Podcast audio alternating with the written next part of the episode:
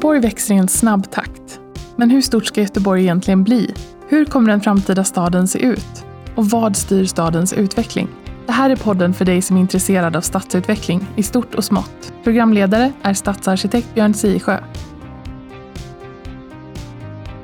Välkomna ska ni vara till det här avsnittet av Götepodd som ska handla om framtidens idrotts och motionsanläggningar. Får de plats i ett växande Göteborg? Och med mig idag har jag Johan och Emma. Eh, Johan, kan du berätta lite mer vem du är? Ja, jag är förvaltningsdirektör på idrottsföreningsförvaltningen i Göteborg och eh, har jobbat här i drygt ett år och sen i staden i, i drygt sex år. Så att, eh, ja. Ja, och Emma, vem är du då? Ja, Emma Svensson heter jag och jobbar på RF SISU, eh, Västra Götaland, Riksidrottsförbundet och SISU Idrottsutbildarna. Jag jobbar som sakkunnig inom barn och ungdomsfrågor inom idrotten här i Västra Götaland. Mm. Ja, och, och, och, hur är det med, i Göteborg med, med idrotten och idrottsanläggningarna? Är det, är det bra allting då? Ja, man hade ju velat säga det naturligtvis, men, men eh, vi har många bra saker skulle jag vilja säga. Samtidigt som vi har många önskemål utifrån liksom idrottens behov och hur vi hanterar folkhälsa och hur vi, vart vi ska bygga och så vidare. Så det, det finns mycket kvar att planera för. Emma, vad säger du? Ehm, jag skulle säga som träffar idrotten eh, var och varannan dag att eh, frågar vi dem så är det ju jättebrist eh, på anläggningar och ytor. Men precis som Johan säger så vi har ju väldigt mycket bra saker.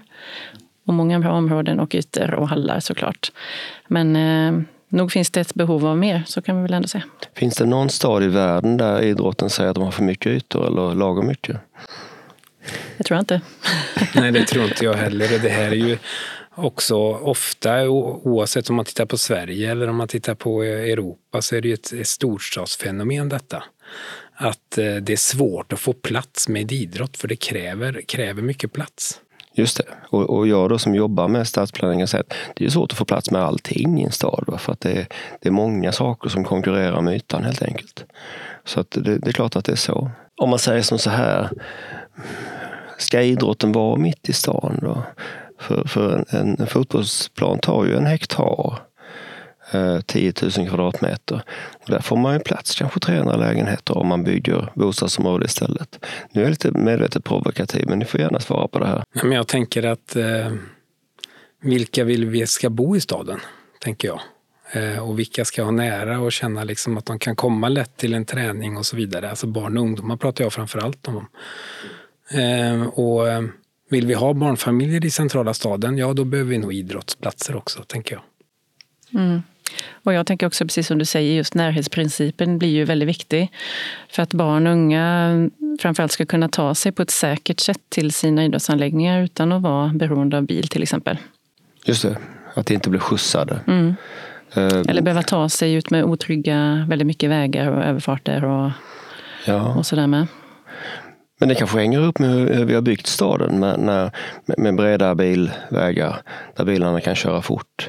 Så att föräldrarna inte vågar släppa ut sina barn på egen hand utan istället lite stressade kör fort på de här breda bilvägarna till idrottsanläggningarna.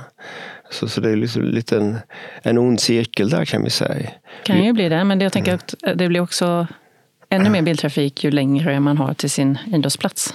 Jo, nej, men i själva verket så, så, så, håller jag med om det. Det gör jag, det får jag avslöja. Men... Det finns ju oerhört stora um, alléer och så vidare och bilvägar som vi skulle kunna jättebra göra till idrottsplatser istället, tänker jag. Just det. En, ta en del av asfalten och, ja. och göra till, till idrottsanläggningar. Ja, all idrottsanläggning behöver ju inte vara som vi tänker den klassiska ishallen eller sporthallen, utan att vi behöver hitta ytor för aktivitet. Just och en det. annan typ av rörelse. aktivitet, ja. Kan du ge några exempel på vad det skulle kunna vara som inte är de vanliga grejerna? Då? Mm. Ja, men jag tänker, um, jag, ser, jag är själv eh, tränare i eh, ett fotbollslag för nioåriga tjejer till exempel. När vi har haft våra eh, träningar på fotbollsplanen så tycker de det roligaste som finns är att springa ut till klätterställningen som är precis utanför.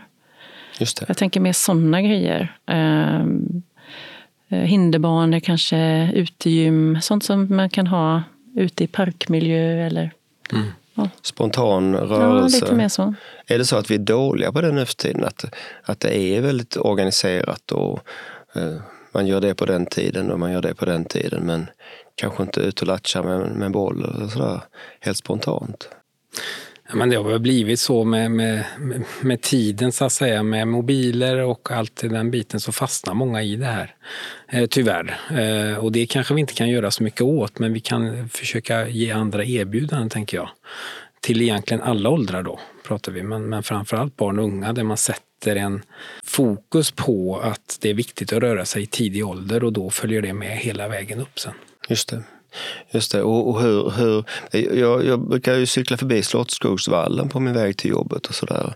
Den, den, den, tycker jag, utan att ha använt den själv, så tycker jag den ser spännande ut. Liksom. Det är lite park och lite lek och lite, lite organiserad idrott givetvis med den gamla anläggningen och allt det där. Va?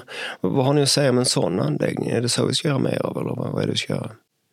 Men vi behöver ju, ja, du, du tänker då på att vi skulle göra fler rörelsemöjligheter i, i anslutning till en sån anläggning. Ja, det är det jag menar lite grann. Ja, och det är faktiskt det är ju så att vi planerar för det nu så att vi börjar ju planera för en skateboardyta in till Slottsskogsvallen till exempel. För att få in, för att jag tror det är viktigt att få in möjligheten för fler åldrar och fler människor med olika bakgrund att röra sig tillsammans. Det skapar trygghet och det skapar också en vilja att vilja testa på olika saker.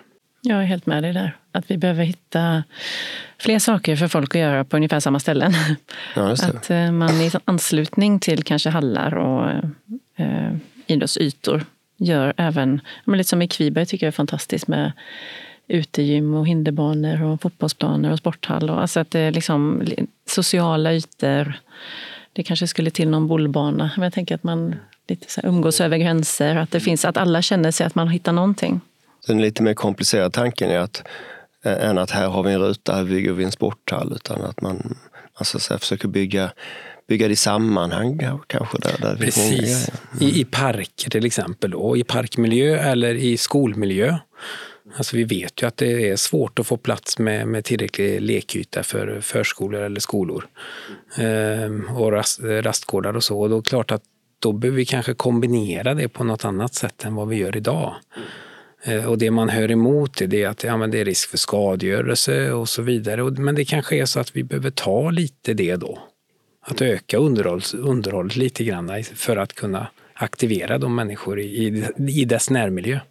Det tror jag med, men det behöver också vara på ett sånt sätt att det, för jag tycker det är fantastiskt när barn utnyttjar skolgårdar och förskolegårdar och sånt på helger och kvällar, men det behöver också vara att det känns säkert och tryggt. Det kan inte vara mörkt och igenvuxet, utan att det ska vara en miljö som där man faktiskt, där barnen känner att man kan leka och att det känns tryggt och bra.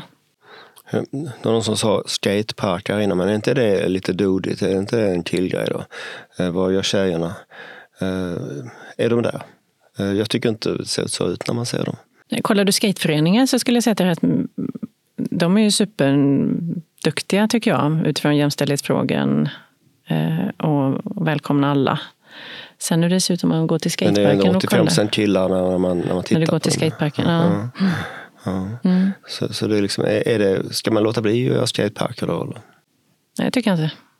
Det är väl jättehärligt med skateparker. Mm. Och så får vi hitta andra saker att addera istället då, för att locka fler. Det kanske är så att det behövs bättre belysning. Det kanske är så att det, det, eh, de behöver utformas på ett annat sätt för att vara mer tilldragande till fler grupper och så vidare. Så att det finns säkert mycket att göra där. En hård betongyta med lite kurvor, eh, den kanske inte lockar alla. Och sen Nej, men... tror jag också att det är superviktigt att vi faktiskt frågar barnen och ungdomarna vad de vill ha. Om det nu är tjejer vi vill ha till en viss yta så får vi fråga, bli bättre på att fråga tjejerna vad de vill vad ha. De vill ha. Ja, Där är vi alldeles för dåliga. Ja, just det. Just det. Men det, det är sant. För det är ju också en kulturell grej förstås. På, på Island så är ju ridningen en tillsport och en machosport. Eh, och i Sverige är det tvärtom. Mm. Så att det, det, är klart att det, det blir så. Men idrott tar plats. Det är stora anläggningar. Och, och, och det, det, gör ju i sin tur att om man lägger alla de anläggningarna inne i stan, ja, då glesar man ju ut stan faktiskt. Va? Mm. Jag tänker som, som ute, ute vid Serneke Arena och där vid, vid Kviberg där man faktiskt har lagt en holians massa planer ihop med en anläggning som ligger lite utanför mm. centrala staden. Är det inte så vi måste göra kanske med just de allra största sakerna? För att annars hamnar vi ju hamnar vi i det att vi glesar ut staden och, och det blir längre mellan människor helt enkelt.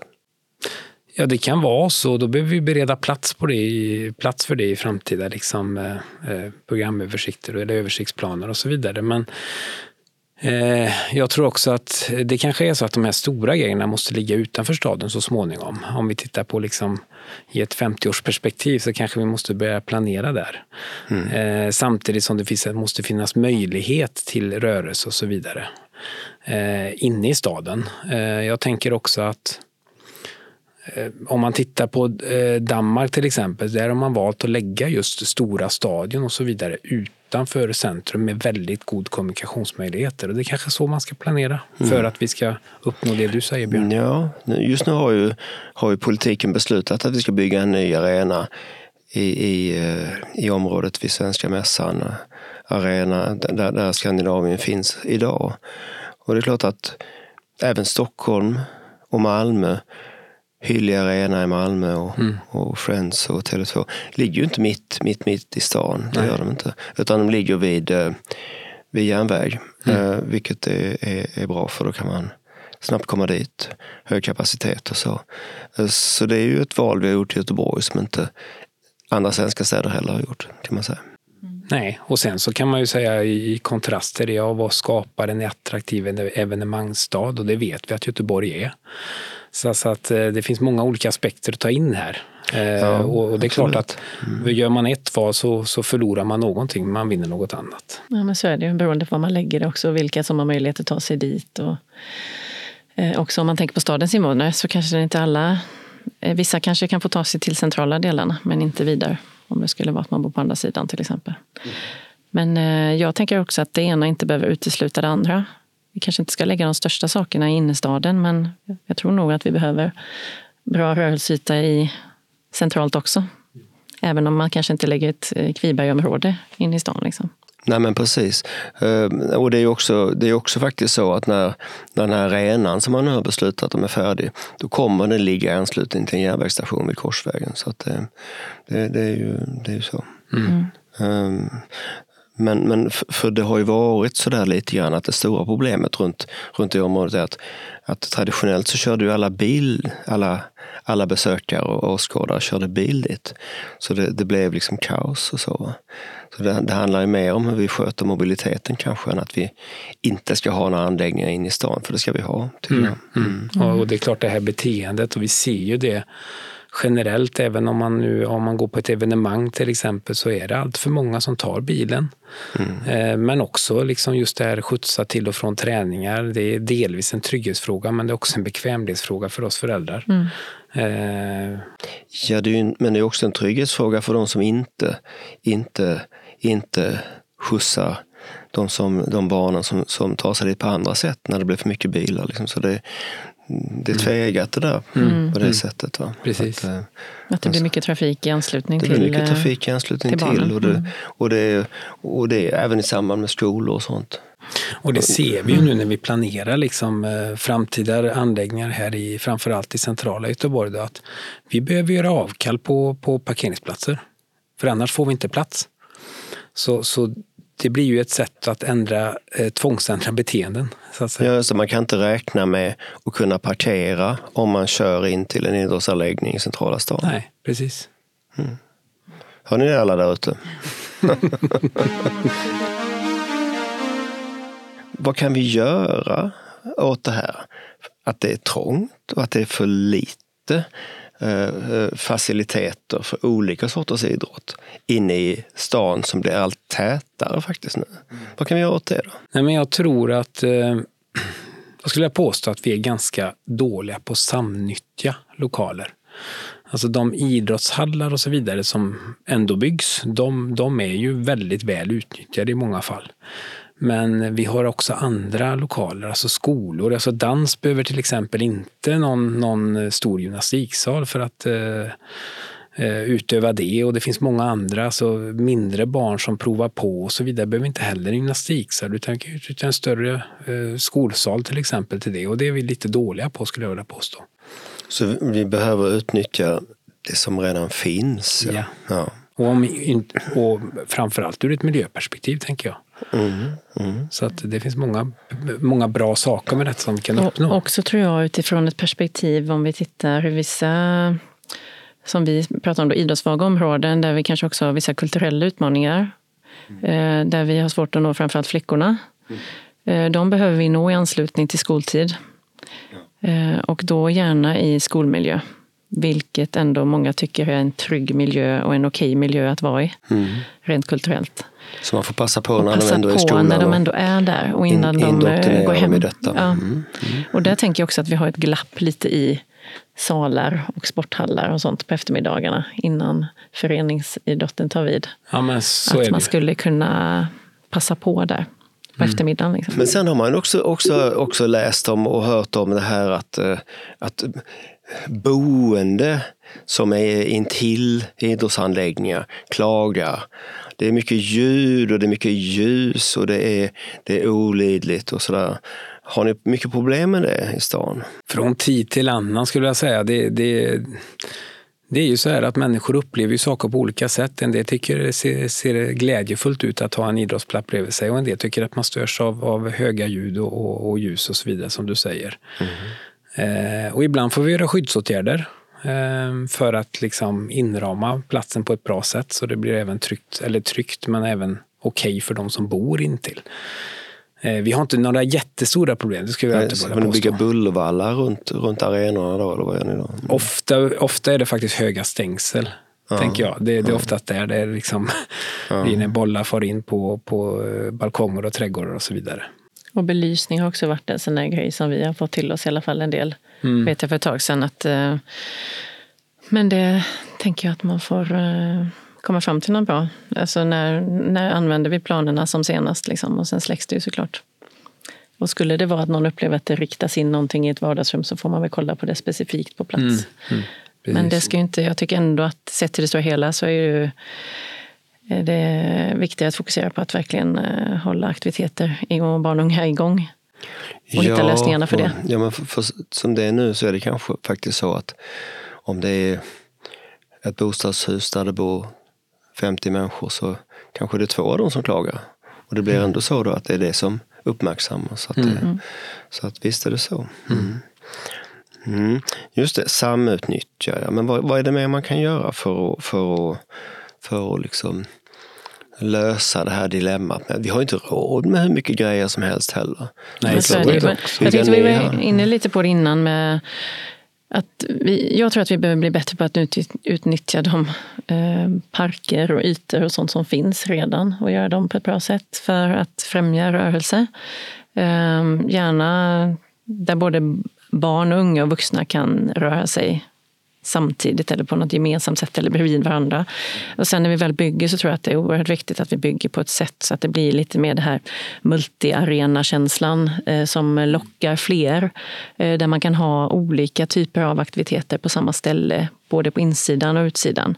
Och med sociala ytor och att, att, att, eh, att det blir center mer som lockar, till, som lockar folk till sig.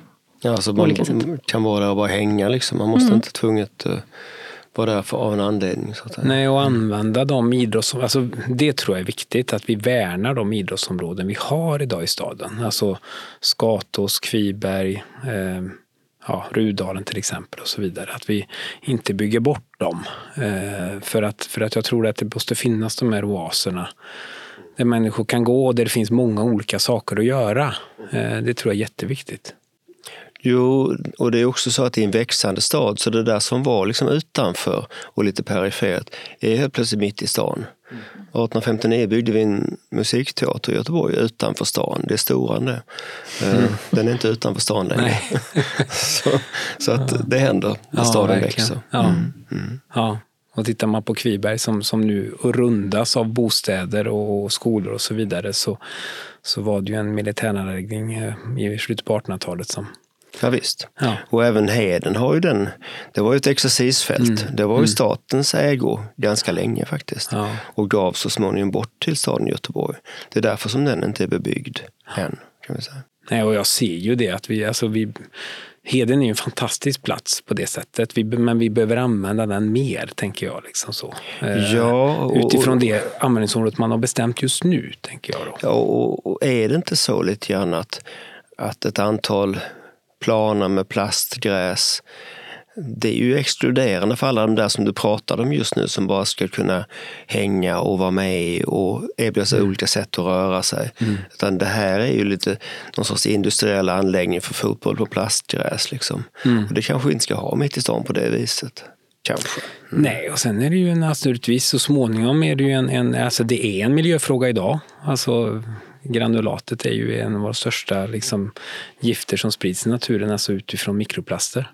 Och det är klart att så småningom behöver vi ersätta det. För att eh, heden kommer ju vid ett skyfall kommer den ju liksom att stå under vatten och då flyter det iväg. Då flyter det iväg. bra. Allting flyter iväg. Ja, precis. Så det är klart att vi måste börja tänka till där. Eh, Så är det. Men sen så ser jag framför mig på Heden ser jag liksom en eh, e-sportanläggning till exempel. Det hade varit jättespännande att etablera där till exempel. Ja. Mm. Ja. Jag tänker också att det, man behöver inte, jag älskar ju fotboll. Jag vill ju gärna att det ska gå att spela fotboll på Heden. Men det kanske inte behöver vara eh, nästan enbart fokus på det. Utan att man skulle kunna göra så mycket annat. Så att det blir en, en yta där många känner sig trygga och vill vara och hitta någon aktivitet som passar just mig. Nej, men det var väl lite det jag menar. Klart vi ska ha fotboll på Heden, men kanske inte bara. Mm. Precis. Och kanske att vi inte ska ha markparkering på Heden. Det, det är kanske en riktigt dum idé faktiskt till och med. För det har vi haft i många, många år nu. Det Känns lite bortkastad plats liksom. Ja, det är ju helt bortkastat och det, det är ju helt liksom, det är ju tvärtom mot det som ni pratar om. Eh, Det här med att ha, ha en yta där man kan vara och hänga och sånt. Då ska det inte vara, då ska man inte ta upp den med, med bilar i första hand, utan då ska man ju, då ska man ju göra andra saker. Mm. Vi hoppas vi kan komma dit att människor inser att man kan faktiskt förflytta sig på andra sätt än med bilen. Och handla också dessutom. Vi kommer därhän, det gör vi faktiskt. För att i stan nu så har vi sedan 80-talet haft en minskande trafik i de centrala mätpunkterna. Så, så det har hänt ganska länge nu faktiskt. Men det kommer lite i taget så man märker det inte genast. Och det är klart att det finns ju sporter idag, eller idrotter då, som, som kräver mycket utrustning. Det kan vara svårt att liksom enbart ta med det till på liksom bussen. Så, det kan jag ha förståelse för. Men då kanske inte just de ska ligga mitt i stan. Liksom. Hockeyrinkar så. ska vi kanske ha någon annanstans. Ja, i alla fall lite någon annanstans tänker jag. Mm. Och vi, vi, samtidigt kan man säga det, vi pratade i början här om att vi har eh, Alltså vi, vi har ont om idrottsområden eller ont om idrottshallar och så vidare och det är kö liksom för att komma in. Många barn står i kö och sådär. Eh, samtidigt tänker jag liksom att men det är tur att vi just nu bygger så det knakar. Även om det kostar pengar så, så försöker vi nu tillgodose göteborgarnas behov. Så att det, det, det känns fantastiskt roligt om, om ett antal år här så har vi en annan situation skulle jag vilja påstå. Det Ja. låter spännande. Jag tänker också en sån sak som eh, påverkar, precis som du säger, just det här med släpandet om man säger så, av allt material. Vilket ju blir svårt och vilket ofta innebär att man tar bilen. Och det är ju också en sån grej att när man själv kommer som ledare, det, inte finns, det finns ju inte förrådsutrymmen. Man kan ju inte lämna sina saker någonstans. Och man får aldrig låna det som finns där. För att, och är det skolor som är där så får man inte låna och allt inlåst och sånt. Så att, eh, jag är också ledare i ett handbollslag med 50 barn. Och vi har ju ofta 50 bollar med oss. Det är inte jättelätt att ta på cykeln. 50 bollarna, det. Det går inte. så vi har ju liksom eh, x antal bollsäckar. Du har funderat på cykelkärra antar jag? Cykelkärra kan funka. Men, eh, man förstår. i tre olika hallar, tre olika tider i veckan. Så att det ska ju med. Ska med. Men eh, det är inte helt enkel, enkel logistik. Det hade varit enklare att vara, så sett enklare att vara på samma ställe och att det finns material på plats. Eller att det finns mer, som du säger, att man kanske får lägga lite mer pengar på underhåll och material och, Ja, vi diskuterar ju frågan nu för att det är klart att byggs det en skolidrottshall till exempel, som det är, många av hallarna är ju skolidrottshallar från, från början och så ser vi till att de ska kunna användas dygnet runt i princip. Då. Men, men, eh, och då planerar man inte för förråd, som du säger Emma, utan då bygger man liksom så. Det här behöver skolans ändamål och sen så får ni komma in i idrotten på, på övriga tider. Får ni anpassa er. Eh, och där tror jag vi behöver, alltså vi behöver tänka så i stadsutvecklingen alltså generellt sett att vi behöver liksom både samnyttja när vi bygger nytt men också liksom ta vara på befintligt som finns. Då. Eh, och, och, det samtalet tycker jag är igång nu och det känns väldigt förhoppningsgivande inför framtiden. Men det är bra, för det får inte bli så att bara för att det blir krångligt och jobbigt så, så lämnar man skolorna tomma medan ungarna inte har någonstans att vara. så att säga. Eh, för så, så, så, kan man uppleva att det har varit ibland att man, man säger nej för att det är enklare att säga nej helt enkelt. Ja, och det är handbollsklister och det är, det är den här, ja. ofta den frågan tycker jag som, som kommer upp. Liksom, att nej, men det blir så svårt att städa dagen efteråt så ja, då mm. får det hellre vara. Liksom, så. Ja, just det. Ja. Och, det är ju, och det är våra gemensamma resurser, även skolorna, så är det klart att de måste användas. Speciellt som du säger ur ett hållbarhetsperspektiv. För, för de ska ju byggas och underhållas, värmas. Och, ja, och det, och det, kan vi väl se att, att var, varför bygger staden så mycket idrottsanläggningar som man ändå bygger och lägger då så, så pass många hundra miljoner på detta? Eh, och, och, det beror ju på också att, att vi ser en tendens av att, att eh, privata initiativ, eller framförallt föreningsinitiativ, är väldigt få nu. Och det är fler och fler föreningar som inte har den eh, har den ekonomin som man kan satsa i en egen anläggning och då behöver staden så att säga förse. Eh, inte kanske så mycket för vuxenidrott utan framförallt för barn och unga. Och sen får vuxenidrotten gärna haka på. Men de har väl till och med svårt att få, få, få, få tränare och, och, och, andra, andra frivilliga insatser så att säga. Att, det, att det, det, det, det är en annan tid nu. Föreningslivet står lite på i skamvrån. Ja, antalet föreningsaktiva har ju minskat de senare, eh, ganska många år, tyvärr. Eh, och, och, jag menar det här med att vi har eh, Eftersom man själv är ledare och så vidare i ett idrottslag så, så ser man ju det här liksom att det är svårt att få folk att engagera sig. Ehm, eh, och vi vill ju inte släppa den här nordiska modellen som vi ändå har med det fantastiska ideella föreningslivet. Men, men eh, hur ska vi göra för att attrahera så att säga, föräldrar och verkligen vilja umgås med sina barn, tänker jag. Det är ju en väldig utmaning såklart. Och samtidigt så jag tänker också att vi behöver bli lite bättre på hur vi paketerar det och hur vi faktiskt säljer in hur fantastiskt det är med föreningsidrott. Mm. Och eh, att det blir så mycket mer vinning än bara, missförstå mig inte, att bara vara med sitt barn. Det är fantastiskt i sig, men det ger så mycket mer. Um, och det är väldigt utvecklande och ger mycket socialt och, och sådär. Så jag tror att vi också behöver bli bättre på att sälja in det mm. och hur vi pratar om det. Och också kanske tänka om, att vi inte gör saker som vi alltid har gjort um, på ett sätt. Uh, vi får ju inom idrotten uh, drygt 90 procent av alla barn passerar någon gång inom föreningslivets dörrar. Liksom. Så vi har ju mer än 9 av 10 barn. Vi behöver bli bra på att behålla dem. Mm. Och vi behöver bli bra på att i tidigt skede fånga upp föräldrar där. Just det. Just det. Eh, och jag tänker att man behöver bli bättre på hur vi ställer frågor. Det är kanske inte alla som känner att man passar som ledare i ett lag till exempel. Men man kanske är grym på event eller eh, pedagogik eller ledarskap eller hemsidor. Eller, ja, det finns olika kompetenser. Så det är inte bara barnen vi ska få bort från skärmarna, det är även föräldrarna? Jag tror det. Och jag tror också att vi får lättare att få bort barnen från skärmarna och att få barnen mer rörliga, eller liksom att minska stillasittandet hos barn genom att vi aktiverar föräldrarna. Barn gör ju som vi vuxna gör.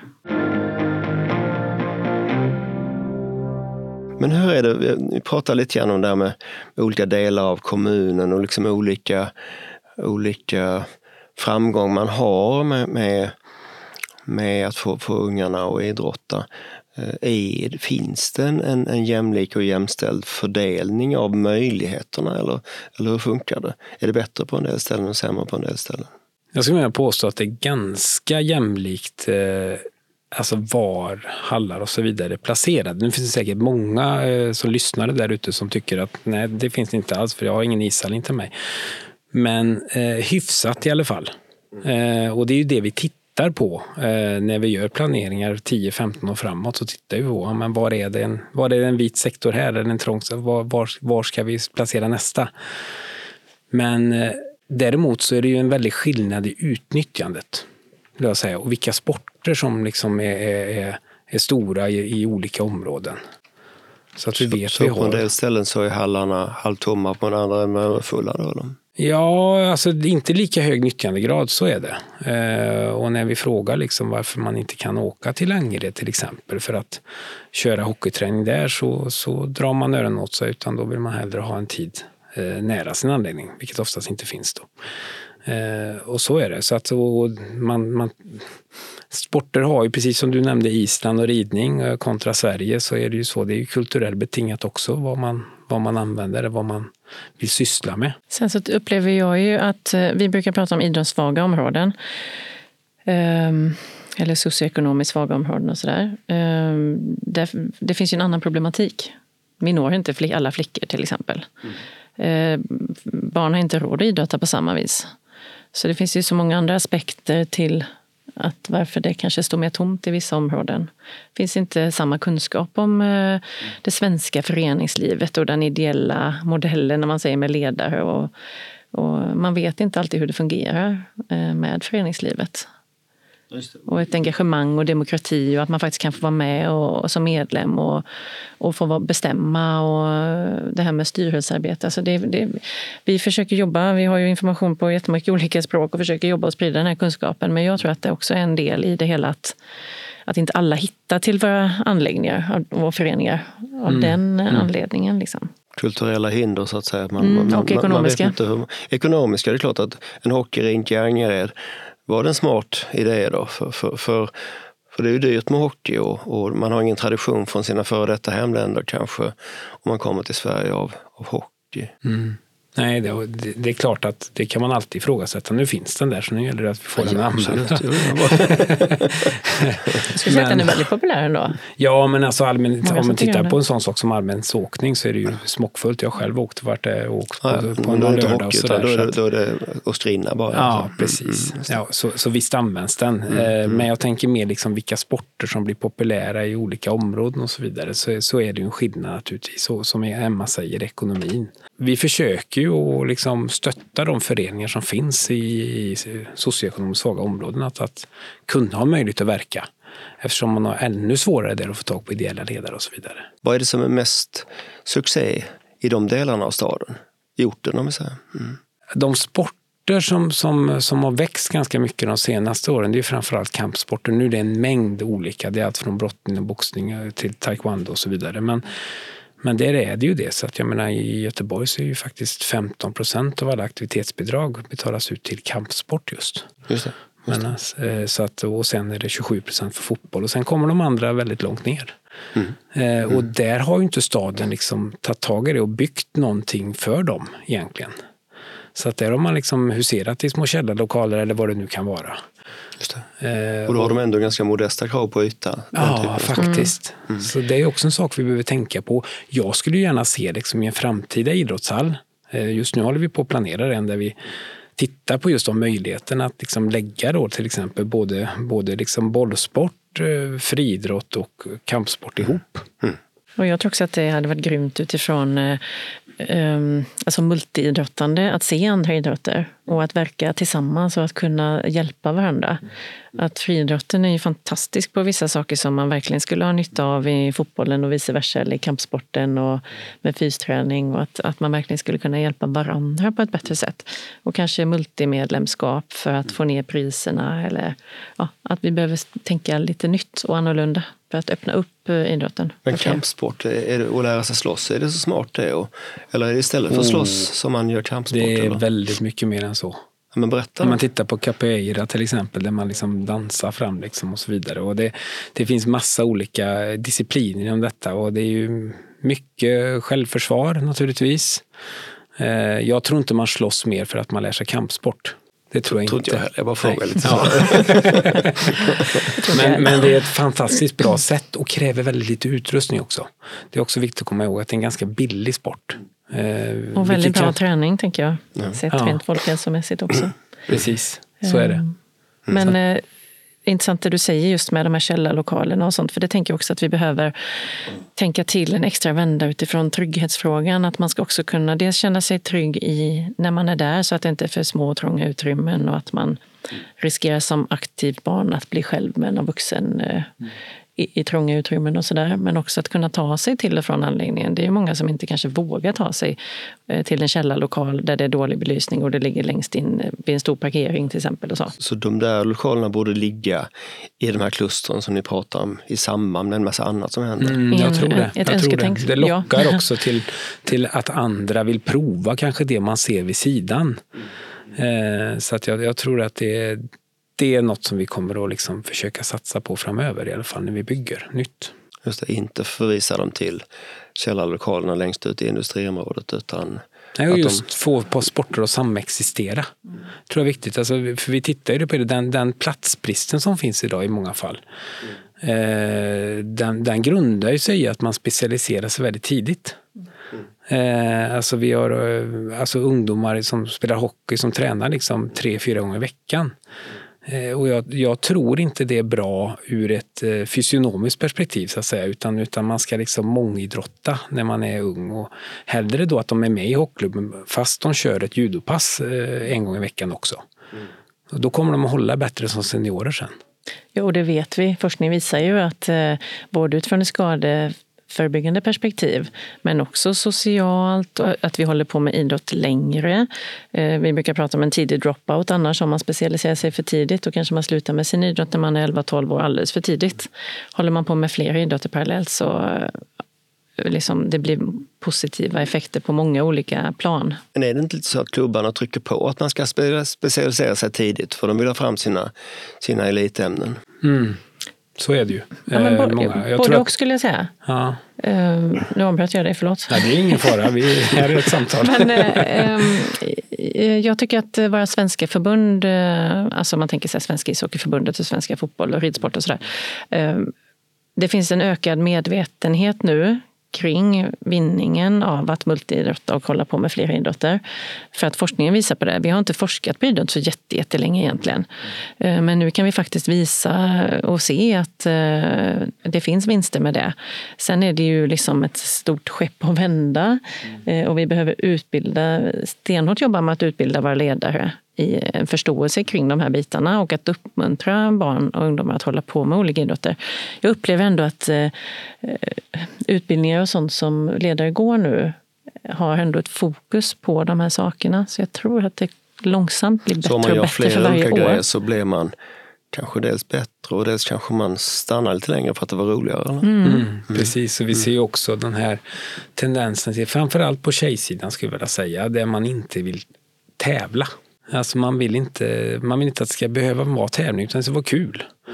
Eh, fast man vill spela handboll eh, till exempel. Eh, och det är klart att då måste vi skapa de förutsättningarna. Än så länge så är ju inte alla förbund förberedda för det, för den typen av idrott, utan man tycker att nej, men då har du ett lag ska du ingå i en serie och så vidare. Eh, men, men eh, det här är en rörelse som vi försöker vända med, eller hur? Ja, exakt. men hur är det med nya sporter och sånt? Jag vet att ute på Frihamnen hade man ju den här banan, rullskridsko, ja, nu låter det som en boomer, men rullskridskobanan där, där man åker runt, runt, runt. Uh, finns det fler nya sådana här grejer som, som, som, är liksom, som kommer nu som kan bli stort sen? Då? Ja, alltså det är ju så att e-sport har ju faktiskt kommit in i Riksidrottsförbundet. Och, nu, och berätta vad e-sport är för. E-sport mm. är alltså eh, när du tävlar i eh, till exempel Fifa, alltså, eh, alltså fotbollsspel på tvn eller fotbollsspel på datorn. Och så tävlar du mot varandra i det och sen så kan man vinna mästerskap. Mm. Dataspel, ja precis. Ja. Eh, så, att, så att det är ju en sak och det där tittar vi ju just nu på. att Hur kan du kombinera det med rörelse? Mm. Eh, det finns jätteintressanta koncept att lyfta och, titta på där. Eh, just för att det är inte nyttigt att sitta framme, det är precis samma där. Det är multiidrottande som gäller. Just det. Undvika mm. för långt stillasittande. Mm. Men mm. de har ju verkligen lyckats inom e-sporten. Mm. Mm. Eh, med det här gamification och ja. skitcoola event. Och, och, och liksom så, så att vi har mycket att lära av dem också. Och tror också på att väva in det som du säger. Vi behöver tänka om, vi behöver se att idrotten inte alltid behöver vara konventionellt eh, träning två eller tre dagar i veckan och match på helgen och, eh, och så mm. rulla på likadant vecka efter vecka. Utan vi behöver tänka lite nytt och annorlunda. Mm. Käpphästar till exempel har blivit hur stort som helst. Käpphästar. Ja, ja. otippat. Men då pratar vi rent fysiska käpphästar. Inte Rent fysiska käpphästar Precis. där barn bygger, gör egna, man eh, beställer... Eh, det finns en uppsjö av saker hur man kan skapa sin egen sån här käpphäst. Och det finns stall och det finns det ena och det andra och banor och tävlingar. Och det var ju med på SM-veckan. Liksom, så att det, det är så Kommer det bli här, en OS-gren efterhand? Ja, Man vet aldrig. Det finns många väldigt eh, sporter som kommer till OS som man liksom undrar varför, varför kom de dit? Liksom. Så kom de ifrån hästen. Och så Men- andra som försvinner förstås. så Ja, de- precis. ja. Men jag menar, vi har massa olika spännande mästerskap ute på Kviberg bland annat då, liksom på det området där vi hade Eh, vad heter det nu, det här som Harry Potter och de här spelar i... Eh, Kidditch. Kidditch, ja, till exempel. Det var svenskt mästerskap i det i somras. Och, och, så det, visst kommer det nya sporter. Eh, så är det. Eh, men jag upplever också att en sport som har kommit eh, som då är ganska traditionell, men gåfotboll. Och mycket seniorer som, som uppskattar det oerhört till exempel. Där har vi också en helt, inte en ny målgrupp ska man inte säga, men eh, de äldre nu blir ju friskare och piggare, många. Så att där har vi ju också ett, eh, behöver vi också tänka till hur vi ska liksom tänka från barn och hela vägen upp. eh. Man är inte lika gammal när man är gammal. Nej, exakt. Mm, nej. Och att man fortfarande har eh, framförallt eh, väldigt behov av rörelse har ju alla. Men också utifrån social gemenskap och eh, ja, Utom att man ska ha en bra ålderdom så måste man röra på sig. Så, så funkar det. precis. Och det vet vi ju liksom just att eh, när vi tittar på de gym som vi har i staden liksom så, så, så anpassar vi ju stadens egna gym. Det anpassar vi just för så kallad lågtröskelverksamhet. Och det är ju för att liksom, eh, man kanske inte vill gå in där det, det ligger en, en, en tjej eller en kille och lyfter liksom 150 kilo utan man kanske vill liksom kunna gå in i en lugnare miljö och, och testa på olika saker och sådär. Och vi vet att styrketräning just för seniorer är, eh, har ju forskningen visat att, att det är aldrig för sent att börja med. För du liksom förlänger livslängden med en gång. Tjoff, säger det. Ja, och jag tänker också att utegym, utegymsdelen är viktig i de här frågorna. Mm. Men då behöver man också tänka till utifrån, som vi pratade om innan, delaktighet. Vi behöver ju, vissa utegym som jag har varit på förstår jag knappt själv som har ganska bra träningserfarenhet. Jag, jag förstår knappt ens vad de är till för, de olika utrustningarna. Medan vissa utegym är helt fantastiska. Så det är också en sån här grej att vi behöver bli bättre på att titta vilka utegym är det som är bra, vilka, har fått vara med och tycka till och ta fram de här grejerna. Finns det instruktioner? Skulle man ibland kunna ha någon fysisk person på plats? Hälsolots eller något Ja, liknande? det så har, här, vi, ju- liksom. det har vi kört i år. Ja. Tyvärr är det inte till riktigt lika många som kommer som vi hade hoppats. Men, men det finns alltid en möjlighet i alla Ja, fall. och det kanske är liksom eh, om det, att folk inte vet. Eller, ja, man kanske får ha lite... Men jag tror att det är, just, det är skillnad på utegym och utegym. Ja. Och vad man kan göra. Och just att jag vet, bara en sån här sak att det kan finnas en instruktion kan ju vara A och O. Då. Alltså sammanfattningsvis det här alltså idrott och sport ska, det ska vara mer blandat, mindre exkluderande. Kanske, kanske fler sorters idrott, fler sorters aktiviteter som, som, är, som är lättare att, att ramla in i och ta till sig. Och det är klart att då är inte Heden ett bra exempel just nu med de här plastgräsplanerna där man absolut inte får vara om man inte spelar fotboll, eller hur? Va? Så det är själva ett exkluderande på många sätt. Men sen finns det ju ändå basket och beachvolley och Mm, det gör det. lekplatser det och finns sånt ju också. lekplatser och sånt också i, i kanten. Men jag menar, Mm. eh, själva intrycket när man rör sig tvärs över Heden i, i, i Vasagatans förlängning där så det är ju inte så nice liksom. Det är det faktiskt inte. Nej, det blir en ganska öde yta på det sättet. Ja, det så det. som det är uppbyggt. Så jag tänker liksom, nu när vi, nu när vi har lagt om de här Mm, eh, flera av planerna så, så är det ju så att då har vi ju lagt asfalt under Mm. för att möjliggöra att också sätta andra evenemang på. Mm. Och Det, tror, så det tror jag kan liksom, eh, eh, öka möjligheterna helt enkelt. Så det är ett led i att samutnyttja mer, att göra mer. Sen finns det också det där utifrån stadsplaneringen, det här att må, alltså, om, om ni om, om, om, om tio år ser att ni har en, en utomhusplan som, som är översvämmad, då är det inte för att den är felbyggd utan det är för att man använder den som översvämningsyta när man har de, de riktigt tuffa situationerna med, med regn, stora regnmängder och sånt. va. Så det, så det är ju ett sätt att samnyttja det också. Ja, och det planerar vi ju just nu för till exempel. Att det är vattenmagasin. Ja, Ja. helt enkelt.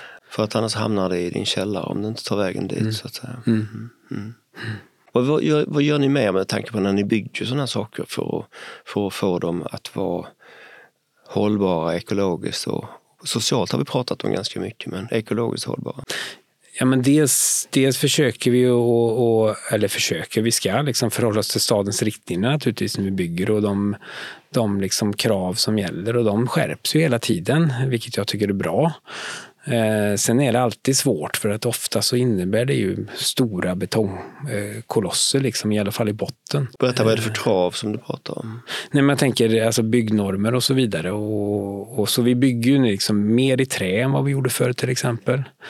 Eh, vi försöker att eh, liksom använda material som är kanske hållbarare på insidan så man slipper att byta för ofta och så vidare. Senaste anledningen vi har invigt nu så har vi lagt sedumtak till exempel. Det är ju, det är ju ett sätt att kanske inte kanske inte öka den biologiska mångfalden så mycket men, men, men ta hand om, alltså det, det ger en trevligare miljö och, och eh, det blir lite blommor på taket och sådär. Och fördröjer regn. Ja, precis. Vilket också det är viktigt kanske i de där situationerna vi pratar om. Mm. Eh, solceller eh, är också en sån här sak som vi sätter precis där vi, överallt där vi kan göra det naturligtvis. Eh, ja, så att, så att det, gäller, ja, det gäller att tänka sig i många olika aspekter eh, när man bygger en idrottsanläggning. Kan du berätta, vad är handslaget för något då? Mm. Ja, handslaget är ju en, eh, en överenskommelse mellan de eh, stadsutvecklande förvaltningarna, byggande förvaltningarna i staden och, och eh, privata entreprenörer och byggherrar som, som önskar utveckla staden. Och, och, det är ju också till för att vi ska minska klimatavtrycket så mycket som möjligt. Så att, eh, och där pratas det ju till exempel mycket om att använda återvunnen, eh, återvunnen tegel. Heter det. Just det, ja. och även andra byggmaterial. Precis, mm. så man kan ta ett fysiskt exempel på det, liksom när vi nu river eh, Kortedala ishall. Så de här limträbågarna som ligger där, de kommer familjebostäder använda i ett annat bygge till exempel. Så vi ska ta hand om det och det är en del av handslaget och den utvecklingen då som sker på det området med återvunnet material, att använda det så mycket som möjligt. För där har väl byggbranschen varit en lite bov när man, man, man skickar saker på tippen som är helt användbara egentligen bara för att de inte ser perfekta ut. Absolut. Precis. Och det är ju samma där, man tittar på liksom när vi liksom inreder våra idrottsanläggningar och likadant när vi pratar med, med skolan och så vidare. Så använd samma hängare till exempel överallt så är det lättare liksom att både byta ut men också återanvända. Liksom så. Jag, tänkte, jag tänkte jag skulle höra lite grann om det här med, med isytor. Det är ju lite problematiskt det här med, dels är det en ganska dyr sport för utövarna. Så, så det, det, exkluderar väldigt många göteborgare från att låta sina barn spela hockey, visst är det så? Och dels är det, dels är det ju så att eh, mycket av hockeyn utövas genom att föräldrarna kör sina ungar som har ganska mycket utrustning med sig. Uh, och, och, då ska vi inte ha hockeyhallar i centrala staden för då får vi mer biltrafik. Så är det inte lite problematiskt med de här isytorna samtidigt som det kanske står lite halvtomt uppe i Angered men ingen vill åka dit och spela hockey. Mm, jo, alltså det är väl rätt och vi ser ju vilka som utövar hockey idag skulle jag vilja tillägga. Vilka och det är ju, ja, men det är ju framförallt liksom eh, barn till föräldrar som har liksom bättre ekonomiska möjligheter. Och då är det mycket liksom västra och södra Göteborg. Så, så ser det ut. Ehm, vi har också naturligtvis en, en stor övervikt på killar. Eftersom pengapåsen bara är så stor som den är så, så de här isytorna mm tävlar med samma pengar som man skulle kunna använda i orten till något annat. Och... Ja, men så är det ju. Det, visst, visst, vi har byggt en del is och vi kommer att bygga mer is eh, så att säga, i Torslanda eh, och eh, det kommer att finnas ishallar på andra ställen som ligger längre fram i planen. Eh, och vi har ju byggt eh, Rudalen som har en otroligt stor isyta just nu som vi har nyligen öppnat upp. Så att, så att det, det tillkommer is, eh, så är det. Men, men samtidigt så så som du säger Björn, så kan vi använda pengarna. Vi får ju välja vad vi ska använda pengarna på. Ingen kommer någonsin säga att vi har för mycket isytor. Så att, mm. Nej, Nej man är det klart inte. att man önskar mer av allt. Det är klart man önskar så. mer av allt, ja. men det men, kanske inte alltid går. Men vad, vad, skulle man göra för pengarna om man lägger dem i orten istället? Då? Vi har ju till exempel Länsmansgården där vi har liksom byggt en sån allaktivitetsyta kan man säga med liksom hinderbana men också andra möjligheter att röra på sig och sådär. Och det, det tror vi uppskattas. Vi har även andra exempel där vi samarbetat med bostadsbolag där vi liksom har gjort innergården till en lekyta för liksom både barn och vuxna. Eh, och eh, det, det, skulle jag gärna vilja lägga en större andel på. För jag tror att får de bara, kommer de bara igång där så, så oh, man kan vi inte åka och prova fotboll då någonstans? Eller kan vi inte prova roller derby eller något annat liksom, som man kan prova på? Och vi har också lite så här, I projektform jobbar vi med något som heter Street Games bland annat. Och då har vi ju aktiviteter, ofta lovaktiviteter för barn och unga gratis. Där vi har i eh, stadsdelarna, liksom, i orten som du säger. Eh, med närhetsprincipen då. Att då kanske det är på torget. Det är musik, det är happenings, det är många olika idrotter på samma ställe. Mycket prova på, det är liksom roligt. Eh, minska stillasittande. Men att man också får testa på flera olika idrotter och kanske förhoppningsvis hitta någonting som man själv känner att oh, boxning var ju superkul, det vill jag testa. Mm, mm. Och så får man kontakt med en idrottsförening. Ja, det där låg, låg, låga insteget, tröskeln mm. som inte är för hög för att Precis. man ska våga. Ja, det här var ju superintressant och det, det, det handlar inte bara om var har vi en fyrkantig ruta där vi kan bygga en hall någonstans utan det handlar om så mycket mer. Och kulturer och, och socioekonomi och, och, hur tar man sig till, hur tar man sig från? Är det tryggt? Är det, är det hållbart? Är det, är det attraktivt? Liksom? Uh, så att uh, jag har lärt mig en del och jag hoppas att, att lyssnarna också har det. Så jag vill tacka, tacka dig Johan och dig Emma så himla mycket för att ni kom. Ja, men tack. Tack för ett trevligt samtal. Ja, tusen tack. Tack för att vi fick komma hit. Du har hört ett avsnitt av Götepodd som produceras av Göteborgs stad. Redaktörer är Ann Bergermark Rintala och Peter Wanding. Samt redigering Josef Bosir.